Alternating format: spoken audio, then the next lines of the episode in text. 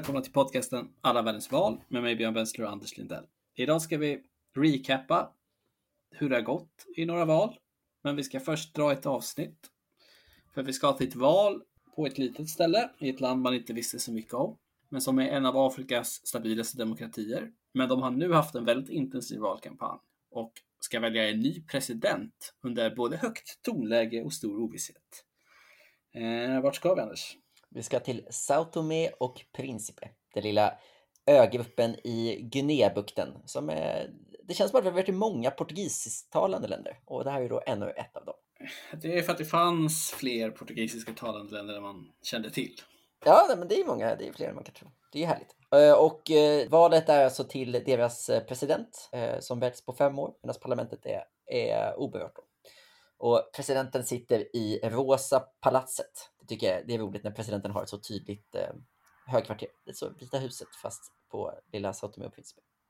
Ja, det är spännande och, och, och, precis som Portugal så har de lite liknande politiska system, eller hur? Det är mm. egentligen premiärministern som är den politiska ledaren. Precis, men man har ändå en president som, kan, som, kan, som tillsätter presidenten, eh, eller premiärministern. Vilket gör att, att det inte är oviktigt vem som blir president nu. Det, det är liksom fult att bryta mot valresultatet i parlamentet, men inte omöjligt. Så att eh, man kan få en president nu som, som eh, skulle kunna eh, kasta om. Så är det ju inte alltid. Ibland så är det ju så att parlamentet... Lite praxis och oskrivna regler här, det känner vi igen från Sverige. Ja men exakt, att, att, eh, och det är just det med presidenterna, det har vi sett på ganska många ställen hur man liksom jobbar runt de här, de här kriterierna och, och sådär. Men idén är att presidenten ska välja en premiärminister som är eh, beroende av stöd i parlamentet, men eh, det är presidenten som väljer premiär, premiärminister i Sao Tomé och Principe och det är inte oviktigt. Eh, man har ju också ett litet parlament med 55 platser i ett enkammarparlament. Det är ett ganska litet land, det kommer vi in på snart.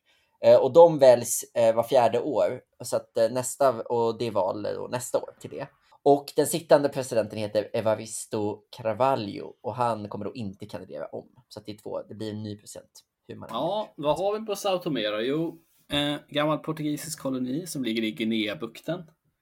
Alltså typ söder om Nigeria kan man säga för den som vill orientera sig på en världskarta. Mm. Eh, typ 200 000 människor bor där eh, och det är egentligen två större öar. Eh, och den andra är ju den här som är slutdelen på namnet kan man säga. Eller hur? Principe. Ja. ja och det är någon slags Det är så själv... jäkla otur att de har två öar. Alltså för att är man en ögrupp med fler än två öar, då heter man ju något annat. Man kan, orkar ju inte heta tre öar. Men det här är ju då, alltså den ena ön heter Sao Tomé, den andra heter Principe. Och så ja, väljer de att det ska vara namnet. Och, och Principe ja. ligger ganska långt ifrån Sao Tomé kan man säga. Ja. Det är inte som att det är liksom Nej, nej. Det är inte, det är inte en, en bilfärja över, utan det är ganska långt mellan dem. Och det innebär ju då att eh, Principe är nu för tiden typ som ett autonomt territorium nästan. Eh, och där bor det typ 8000 eller något och alla andra bor på Sao Tomé. Ja. Eh, så att så är det med den saken. Men eh, de här öarna var i alla fall obebodda innan det portugisiska koloniala projektet och har därefter då befolkats med slavar från fastlandsafrika, portugiser på olika sätt och sen gästarbetare över tid. Så det är en, vad säger man, en smältkittel av olika delar av världen. Och man har odlat socker där förut. Det var, mm. det var där det man började göra där. Och man har en väldigt intressant politisk händelse som hände tidigt för att man började odla och bo, bebo där ungefär slutet av 1400-talet eller någonstans där. Typ. Eh, för 1595 det är sällan vi går så här långt tillbaka i podden, mm. men det här tyckte jag var spännande. För då genomfördes det kanske då största slavupproret mot en kolonialmakt. En stackars slav i namn Armador ledde trupperna där och samlade på sig en armé av 5000 till slut. Men de besegrades av kolonialmakten och han avrättades. Men... Wow, så det är lite som en misslyckad, eh, det som hände på Haiti. Exakt, det är en föregångare till Haiti och den haitiska revolutionen är liksom typ jag vet, kanske, någon gång ska vi få göra ett Haiti-avsnitt och då ja. kommer vi prata mycket om det. Men det är ju den politiska händelse under, jag menar, precis när Haitis revolution sker så har ju franska revolutionen skett och precis innan det är den amerikanska. Och den mm. amerikanska och den franska får ju så otroligt stort fokus. Men mm. man skulle ju lätt kunna hävda att Haitis revolution är minst lika viktig för vad som hände sen i världen. Mm. Men den kunde alltså ha hänt lite tidigare här på Sao Tomé, tyckte jag var spännande. Mm. Eh, men man odlade socker och sen switchade man över till kakao och sen rullade det på där Och sen fick man en riktigt problem med relationen mellan vita och kreoler och gästarbetare som pikade 53 med ett rejält övergrepp där en massaker genomgick och det satte fart på självständighetsrörelsen kan man säga. Mm. Och den har du bättre koll på än jag. Så. Ja, liksom den själv, självständighetsrörelsen och den politiska historien är ganska lik om man kommer ihåg Kap Verde avsnittet. Men alltså, eh, man blev ju, alla, alla länderna, det fanns ju liksom en, en frihetskamp och ett frihetsrörelseparti. Men, men liksom det, som, det är inte oviktigt att eh, den portugisiska fascismen föll 75 och att Portugal kastades in i ett helt nytt polissystem och alla portugisiska kolonier blev ju fria igen 75. Så även eh, Sao Tomé och Principe. Som, eh, precis som man gjorde i, i Kap Verde men också i Mosambik och andra portugisiska kolonier så tog frihetsrörelsen över som det enda tillåtna partiet, fick en väldigt tydlig vänsterlutning och körde vi sen som en liksom, socialistisk enpartistat fram till 90 då man tillät eh, fria val och sen förlorade de fria valen. Så det är, en ganska, det är, en, det är en historia som vi har berättat förut. Liksom. Men precis som också i, i Kap Verde så eh, fick man ganska snabbt ett liksom, hyfsat gott eh, demokratiskt rykte och man har sen, sen demokratiseringen haft eh, eh, jättemånga olika styren. Liksom. Så, att, så att man, har, man har klarat av att byta styre fredligt eh, många gånger. Ja, man klassas som både fritt och demokratiskt i internationella rankingar. Och det är ju mm. inte jättemånga länder som gör det i Afrika. Nej, precis. Men vi kanske ska gå in och prata lite om då vart vi står nu i det politiska, eh, det politiska läget. Och då är det ju så att det är du som läser portugisiska i den här podden, så mm. jag lutar mig tillbaka för en, liksom en, få lyssna på en ganska härlig överblick över ja. det politiska dagsläget i Sao Tomé och vad som händer i politiken där. Mm. Okej, okay. men eh, om vi börjar då i Frihetsrörelsens parti. De har nu den vansinniga förkortningen MLSTP slash PSD.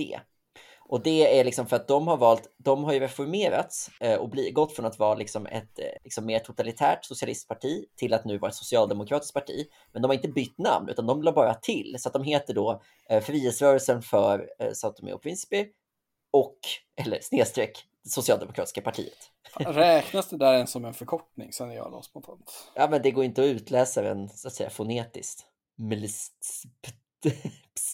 Alltså, så att det, ja. Eh, men, och de har ju varit liksom, de har ju generellt då eh, liksom styrt landet tidigt.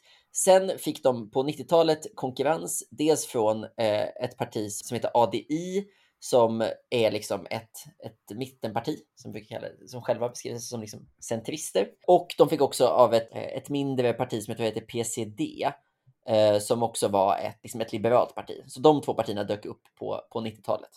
Och, och spolar man fram eh, från det så har det varit, liksom, kan man säga, ungefär de tre, eh, de tre krafterna, men man har, det har bytts. Man hade under på 2000-talet en, eh, en jättepopulär ehm, eh, mitten, eller liberal president som heter Fradik de Meneses som, eh, som liksom startades Liksom, det startades ett nytt parti kring honom som tog många av de här liberala väljarna. Men efter det, sedan 2011, så har det liksom utkristalliserat sig en ganska tydlig eh, balans mellan då å ena sidan de här, eh, det här socialdemokratiska gamla Frihetspartiet och det här ADI. Det partiet. Och just nu så styr eh, ADI presidentmakten och då är det just den här Evaristo Carvalho som jag nämnde. Han kommer nu avgå. Han är liksom eh, 80 år. Det är visserligen ingen ålder för just eh, afrikanska presidenter eller amerikanska för den delen. Men, eh, men han kommer ändå eh, steppa ner nu. Men sen två år tillbaka så har de inte längre presidenten, eller premiärministern har de inte längre sen två år tillbaka. Därför att, och det hade de fram till 2018. Men i det valet så slutade de att, vara, att ha en egen majoritet. De fortsätter vara största parti, men eh, övriga oppositionen enades mot dem för att kasta om detta. Och eh, Jorge López Bon Jesus blev ny eh, premiärminister. Det är ju ett världsklassnamn. Det är, det är ett bra namn. Han heter Boom Jesus. ja, eh, så, att, så att läget som det är nu är att man har då två olika, olika krafter i, eh, liksom som styr liksom, ett mittenhögerparti som styr presidentposten och en, en eh, mittenvänster eh. Det låter ju väldigt mycket som Kap Verde det här. Är det lite ja, så vi... att det här ADI också är lite mer Portugal-orienterat kanske? Ja, just det. Jag vet, jag vet faktiskt inte. Däremot deras partiledare nu, han heter Patrice Trovoada och han är född i, nu har jag glömt vilket land det är, Guinea-Bissau tror jag. Men jag glömt, han är i alla fall född utomlands. Men han är liksom son till en tidigare president i, i South New Principe. Så att han borde ju vara liksom politisk royalty. Det är så Men konstigt i en ny... med sådana där grejer som är född utomlands-grejen. Det är så konstigt. Så man bara, alltså, om man liksom kan vara uppväxt i landet men råkade bara vara född någon annanstans. Ja, precis. Av då en, en president i landet. Så, så är det för Patrice eh, Trovoada. Och han får då inte kandidera till president. Och han var ju en, en självklar, han har varit premiärminister flera gånger tidigare och så. Så han var en självklar arvtagare till den här Evaristo Carvalho. Då. Men har då diskats sent och det är ju såklart inte ADI eh, nöjda med. Att det, att det är en så pass tydlig koppling mellan då just den här förutsättningen för deras eh, kandidat. Istället så kommer de, deras, de, de kommer ändå ha en, en kandidat i det här valet. Men, men det är ju då absolut inte en, en så tydlig toppkandidat som de kanske har haft förut. Eh, för annars så kan man säga att de borde egentligen ha en ganska eh, goda möjligheter att vinna presidentmakten. För de är de av de, parti, de partierna som liksom finns nu och egentligen är stora, så borde de vara de som lyckas bäst. För det är de som har gjort det förut. Frihetspartiet, eller vad man ska säga, Socialistpartiet, de har aldrig haft presidentposten, vilket jag tyckte var lite märkligt. Men det är, de har liksom generellt stöttat eh, andra eh, kandidater från andra partier och sånt där, trots att de har varit så, ett så stort parti i övrigt. Då.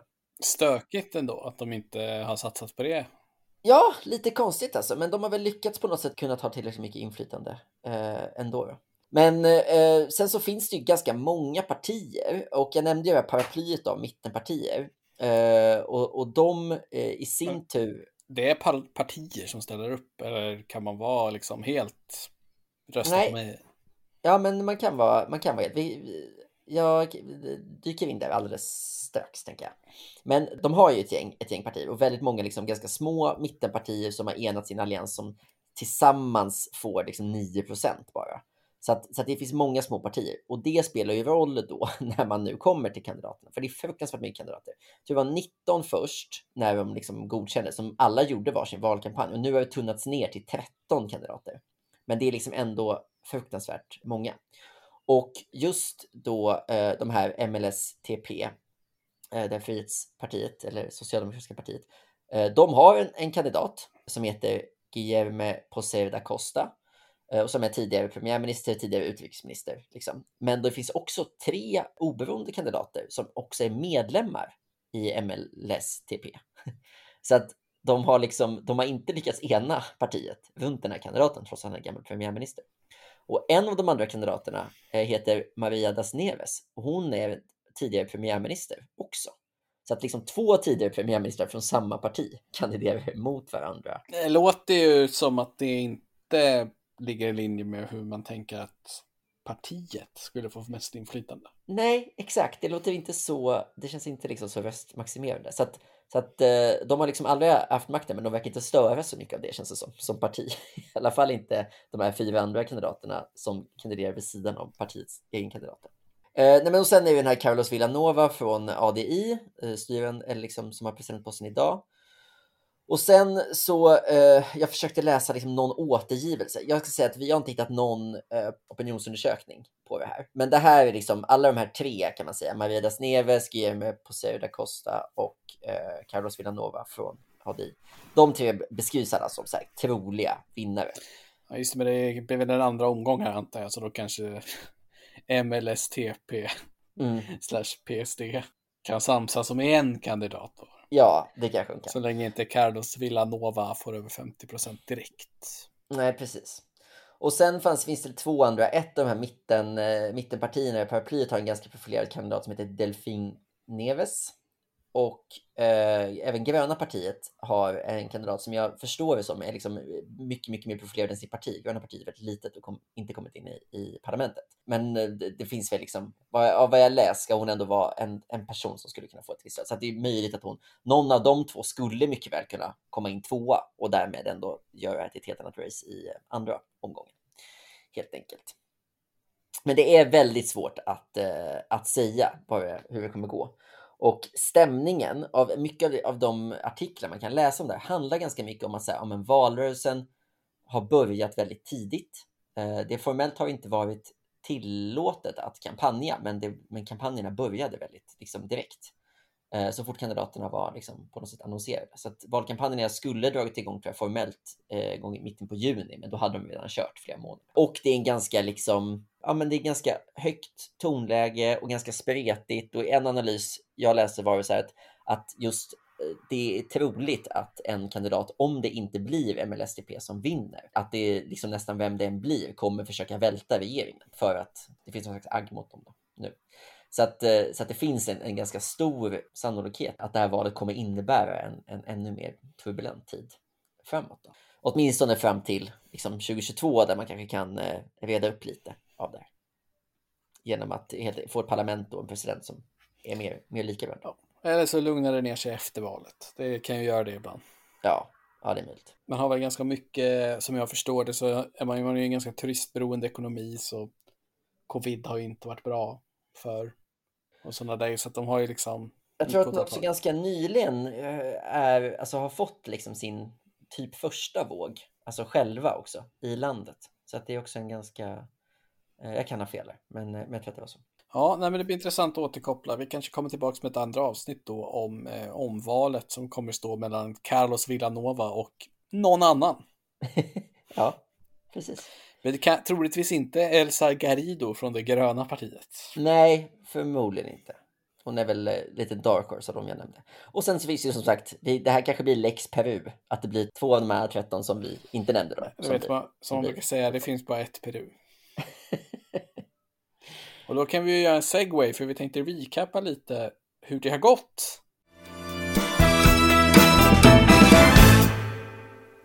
Och då kanske vi börjar med Peru då. För i Peru så blev det gastkramande där Keiko Fujimori som förlorade förra gångens presidentval i andra omgången med 49,9 procent av rösterna fick hon då. Mm. Ledde mm. länge, men Pedro Castillo knapade till slut om och fick 50,2 mot 49,8. Så marginellt sämre av Keiko den här gången.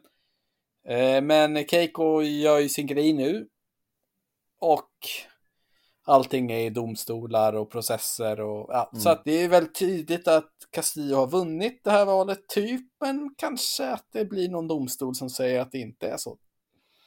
Ja, det är väl att de hittar, att de hoppas att hitta att i någon vallokal inte har gått rätt till och så behövs det bara 50 000 röster. Så då ja, men det har varit extremt jämnt igen. Ja, och det är, och det är väl värt att understryka igen då för den som, den som känner att det är lite, lite långt bak i huvudet att det här är ju två det är ju verkligen två ytterkantskandidater i Peru. Alltså Keiko Fujimori från, som då har ärvt sin pappas eh, högerextrema eh, parti och eh, Pedro Castillo som kom från, från ingenstans från det gamla kommunistpartiet i, i Peru. Ja, och sen kan vi dra över till Mexiko då. Och då var det ju Morena som är presidenten, va? Ja, det är hans, eh, Morena är ju AMLOs eh, Ja, just precis. Det är hans parti, ja precis. Mm. Eh, de fick 36 procent, tappade lite, men får en majoritet med sina allianspartier, men inte en kvalificerad majoritet som ju då var tippningen innan att de skulle få. Mm, precis. Vilket gör att de inte kan göra vad de vill, så egentligen stärktes oppositionen kan man säga. Ja, ja. man tappade väl, man, man försvagades i sin, i sin majoritet, så det kan mycket väl. Sen plockade man upp en massa guvernörsstolar och sånt istället, men det, det orkar vi inte gå in på nu. Nej, men det är väl eh. ändå lite intressant för att just det här, alltså om man ska se det som att, eh, för lite så här, det vi pratade om i Mexiko-avsnittet var ju också hur mycket är det här AMLOs egna projekt liksom? Alltså Andrés Manuel López Obrador, den här nya presidenten som ju beskrivs ganska mycket, så här, det, många är väl oroande för att han ska vara mer en eh, liksom, totalitär person än vad han utger sig för att vara. Liksom. Och då kanske på ett, ett om det är det man är orolig för. Det är ju spännande det där. Det, det, är ju sällan någon är orolig för att någon ska vara mindre auktoritär. nej, nej. Men det blir ett spännande presidentval där om några år. Ja, just det. Ska vi snabbt dra förbi Iran, där det då blev, som alla visste att det skulle bli, Ebrahim Rassi vann enkelt. Mm. Och det var jätte, jättelågt valdeltagande, bara 48 procent jämfört med 73 procent gången innan. Ja, det är intressant. Det var ju något vi pratade lite om, eller som du nämnde, va? att det är ju liksom, det var ju det som var chansen att uttrycka sig oppositionellt här. Det var ju att, eh, att inte rösta, helt enkelt. Och det får man ju säga att det syntes ju ändå. Det var ju ett alternativ som verkligen syntes. Den som kom tvåa, tvåa var ju den här eh, Mohsen Rezai som ju på något sätt vi, vi beskrev som kandidaten man hade satt på fältet för att eh, Raisi inte skulle vara längst till höger. Så att eh, det säger ju också någonting om vilka som faktiskt röstade. Ja, verkligen. Det blir ju jätteintressant att följa vad som händer där framöver såklart. Sen hade vi ju då Somaliland. Den kan du få dra för den fattar jag inte vad som hände riktigt. Somaliland är ju, det är roligt, vi har pratat om att vi, att vi har fått eh, oväntat god feedback på Somaliland. Att det är många som har tyckt om det avsnittet. Det, det är Det är i alla fall, alla fall en person som sa Ja, nej, vi har också hört det. ja, men eh, skitsamma. Det, för er Somaliland heads då, så var det ju deras första val på 15 år. Så att mycket liksom, eh, har ju hänt. Bland annat så har ju förra valets vinnare kandiderade ju inte i det här valet, alltså det största partiet. Eh, och alla deras röster gick, liksom, eller motsvarande då, eh, så många röster gick till det här nystartade islamistiska partiet, eller som ska liksom luta lite åt ett islamistiskt håll i alla fall. Har fler sådana inslag. De, de verkar vara lite kanske islamismens svar på kristdemokratin. Det är ju de här Vadani. Eh, de blev liksom största parti nu från att vara helt nystartade. Och tillsammans med det, det existerande oppositionspartiet, de här eh, som heter USID, som var typ eh, ett så här, vagt vänsterlutande parti som har den här partiledaren som hade bott i Finland, som vi pratade lite om. De två partierna har nu bestämt att ingå någon typ av allians eh, och de får en majoritet tillsammans. Det innebär ju att man då får en, en ny majoritet. Men man har ju ett ganska kraftigt presidentiellt system, så man kommer inte få en ny regering, men man kommer ha en ny majoritet i, i parlamentet. Och det som också kan vara värt att notera är att det verkar ha förflutit ganska lugnt. Man har fått det här berömmet som vi, vi pratade om att Somaliland får ganska mycket beröm för sin relativa demokratiska stabilitet och det har man fått även i den här processen. Då. Så det verkar ha förflutit bra och det var 65 procents valdeltagande och sådär.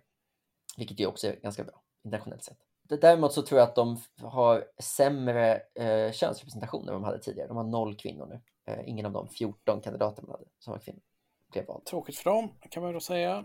Sen hade vi det som vi hade förra veckan, Moldavien, där Maja Sandu eh, lyckades med sitt power grab med, och det, hennes parti tar en stark majoritet i Ja. parlamentet. Så Moldavien svänger politiskt, tydligt, och det blir ju spännande att följa framöver. Ja, verkligen. Och det blev ju bara tre partier som kom in överhuvudtaget i, i parlamentet. Vilket gjorde att liksom den här majoriteten hon hade, den blev väldigt stor när väl mandaten fördelades också. Så de har ju alltså 63 av 100 platser. Det är ju Ja, det är enormt. starkt, de har bra läge. Bulgarien, där blir det... Ja, vad händer där? Vad kommer hända i Bulgarien? Det blir ett val till såklart, men Ja, men, blir, ja, men det, det får vi se om det blir. Men det, det som hände, vi, vi är väl inte helt säkra på att, att siffrorna bekräftades. Det här var ju i, vi, vi spelade in det här 12 juli och både Moldavien och Bulgarien hade sina val igår den 11 juli. Så att man satt ju där parallellt med den lite långtråkiga förlängningen mellan England och Italien så började, började man ju titta på vad säger snabbundersökningarna i Bulgarien och Moldavien. ja, det var ju faktiskt mycket mer intressant. Eh, men det verkar gå bra för vår vän Slavi. Ja, men Slavi Trifonov, de gick ju som en raket, hans ITN, då det här eh, på mittenpopulistpartiet. Eh, Eh, och nu har de ju då, hans chansning att utlysa ett nyval istället för att försöka bilda en regering var ju helt rätt. De har ju ökat 6 procentenheter sen, eh, sen valet i april och gjort det på bekostnaden av de två tidigare stora partierna, GARP, högerpartiet och eh, Socialistpartiet. Eh, det gör att eh, de är nu största parti, ITN, de har 24 procent eh, medan Skarp bara har 23,7. Så det är visserligen jämnt mellan dem, men det säger ju ändå någonting. Och Socialistpartiet gör sitt sämsta val eh, någonsin. Det man också kan, det, men det man kan säga är att det är bara de som tappar eh, väljare. Så att alla de här andra, vi pratar ju om att det finns en, en väldigt bred mitten i Bulgarien och den går väl generellt ganska bra för. Så att även det här DB, det här demokratiska eh, partiet typ, som var en kollektion mellan ett liberalt parti, ett konservativt parti och ett grönt parti. De ökade med 3 procentenheter och eh, även det här Maf- Mafia Get Out som vi beskrev som ett lite mer vänsterlutande. Jag tror att de kanske framförallt är mer liberala än, än de andra, men som också är någon slags mittenkraft. De, de ökade också marginellt. Så att ehm, ja, det är, den breda mitten blir allt bredare och allt Men högre. hö, extremhögern kom in igen. Så Ja, just det. Det gjorde de ju. 5% fick de väl. Ja, okej.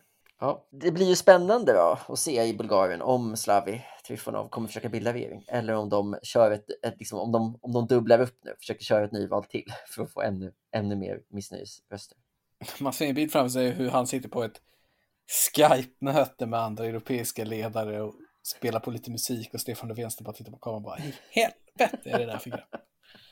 Så kan det gå. Eh, ja, det var alla vi återkopplingar vi tänkte göra. Mongoliet har vi också här på listan, sa jag, men där, där gick det som väntat. Precis. Uknagin Kyrelsuk från eh, MPP, alltså han som nyligen avgick som premiärminister. Han dundrade in 72 procent i första omgången, så han är ja, Lite också för att hans parti då gjorde det olagligt för den sittande presidenten att sätta Urala upp igen. Ja, just det. Så. Ja. Den taktiken var ju lyckad, måste man ändå säga. Ja, Se om det blir likadant i Sao Tome då. Ja, troligtvis inte. Det är väl också här vi ska nämna att vi, har, vi hade ju faktiskt några val här vi bommade. Armenien, Etiopien och Algeriet som vi inte hann spela in av olika skäl. Uh, och där, jag, tycker, jag har inte satt in mig in exakt vad som hänt, men Algeriet verkar ha hänt jäkligt ja, men Där tycker jag ju att de får förstå, våra kära lyssnare, att om, de, om inte alla världens väl gör en podd, då är det svårt att veta vad som händer i Algeriets val. Och då får man, det får vara så då. Jag lovade ju för massa avsnitt att vi skulle eh, vittja frågelådan. Ska vi, ska vi avsluta med, med några frågor? Du får, du får välja en fråga som jag kan svara på men eh, men vi, vi har ju fått in massa frågor, men vi har ganska hög koncentration i, och nu vet vi, det blir ett långt avsnitt också. Men vi, eh, vi gör så att vi, vi drar några av dem här. Men jag vill ju framförallt, jag, jag, jag hintade ju för dig lite att du borde, behöver svara på frågan vilket som är ditt favoritvalsystem. Den uttryckt så här av Hanna. Vad är det sexigaste valsystemet ni stött på hittills?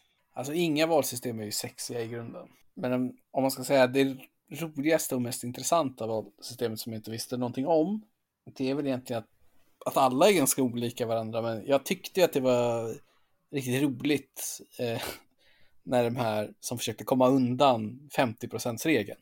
Just det, Ecuador va? Ecuador, att man liksom, ja men du kan få vinna i första omgången med 40% också om ingen annan har X, Z och Y. Det tycker jag var kreativt, för jag gillar inte andra omgångar, tycker det är, Nej. det är onödigt. Så, det här är någonting jag tycker jag lärt mig om dig under den här, uh, det här halvåret vi har kört den här podden. Att du, du, generellt, du älskar ju när det är ty, liksom tydlighet som gynnar vinnare, så att det blir tydliga segrar. Ja, jag, jag tycker om det. Jag tycker att andra omgångar är trams. ja. Men eftersom det ändå är en temporär majoritet. Det är till nästa val. Liksom. Så jag tycker att man kan få omval om man inte kan bilda en regering. Det tycker jag är en helt annan sak. Just det, men du tycker inte att det i ett i respektive process så tycker du det ska bli ett tydligt utfall direkt? Liksom. Ja, jag föredrar system som röstar en gång. Mm, mm. En annan fråga vi har fått som är lite mer liksom, empirisk, man säga. den är så här. Det är mycket snack om att eh, demokratin är på tillbakagång, men det enda exemplet är Ungern och Polen och att de inskränker public service. typ. Min magkänsla är att de som säger så inte har så mycket på fötterna, men det kanske ni har. Om ni bara får svara binärt är demokratin på upp eller nedgång generellt i världen. Eh, och här kan man svara binärt, för att den är på nedgång i världen generellt typ hur man än mäter demokratin. Mm. Alltså, det här beror väl på periodisering. 1944 fanns det sex demokratiska. Ja, okay, ja just det. Det beror på när, om man jämför. Liksom. Men, ja, men sett till de senaste 20 åren till exempel så tror man brukar prata om att det har sett, skett en tillbaka och ännu mer liksom senaste kanske 10 år. Så att det finns en, sån. Och det som jag tycker är intressant med det här, alltså det är såklart till att börja med en utmaning att säga vad är en demokrati och vad ska räknas demokratiskt och sådär. Men om man väl går med på de gängse, liksom, typ Freedom House som vi gillar att referera till för att de har en så här, dels så mycket grader i deras skala. Men även typ International IDEA som är ett så här internationellt institut och jag tror att så här, VDM-institutet som är sven svenskbaserat, de jobbar mycket med att kategorisera, är man demokratiskt eller inte? Och hur man än tittar och hur man än mäter så kan man säga att det blir sämre. Alltså, fler länder är icke-demokratier nu än för 20 år sedan. Färre länder blir liksom demokratier och fler blir eh, liksom förändras åt att bli mer auktoritära. Det finns också, Freedom House har också gjort studier på liksom hur hur ändras det inom de länder som är demokratiska? Och då är ju Polen och Ungern, som nämns i frågan, är ju, eh, blir ju mindre demokratiska. Men det gäller också i, ganska, i flera andra länder, typ Serbien tror jag är ett sånt som nämns, som inte är lika drastiskt, men där ändå blir lite sämre. Och det, det finns inte motsvarande förändringar eh, åt andra hållet, så att de länder blir, står stilla eller blir sämre. Så att, eh, det kan man ha med sig. Vi har en annan fråga från, från Hanna här, vår mesta frågeställare. Guldstjärna till dig det är många andra, vi startade den här frågelådan för att det var många som hörde av sig i andra forum, men ingen som har, det är väldigt få som har använt själva eh, lådan. Men det är det här med makrotrender hon frågat om. Har ni lyckats utföra några makrotrender eller man ska säga, för, som är gemensamt över flera ställen. Eh, och sen nämner hon lite olika exempel om så här, kinesiska investeringar i Afrika, socialdemokrati som smutas sönder, eh, unga kandidater i sociala medier och så där. Jag känner inte spontant i magen någon av de exemplen, men har, har du några bra? Nej, jag tycker inte det, jag tycker det finns så många för att jag tycker att det känns inte som att så många val är speciellt lika varandra. Nej. Det handlar alltid om olika, nya saker eller andra saker. Och, och man kan säga att det, finns ju absolut ingen makrotrend som säger att miljöfrågor skulle ta större, till exempel. Det är fullständigt marginaliserat överallt. Så att den vik kanske viktigaste samhällsfrågan eh, har inte varit på agendan i något val, förutom i Samoa. ja. Av liksom, av liksom, ja, det sjunker i havet. Ja, det, det, är också intressant hur många länder som har liksom korruption som en så dominerande fråga. När man ja. liksom, det har ju vi nästan suckat åt lite, att det är så tråkigt. För det känns ointressant, för det är en så binär fråga där, där man vet, eller inte binär, men åtminstone linjär, att man vet liksom, vad är rätt och vad är fel. Ja, korruption är dåligt. Liksom. Men det... trenden är väl, det som finns att det är ganska, ny, mycket, ganska mycket nya partier ändå. Mm. Det verkar ju vara överallt.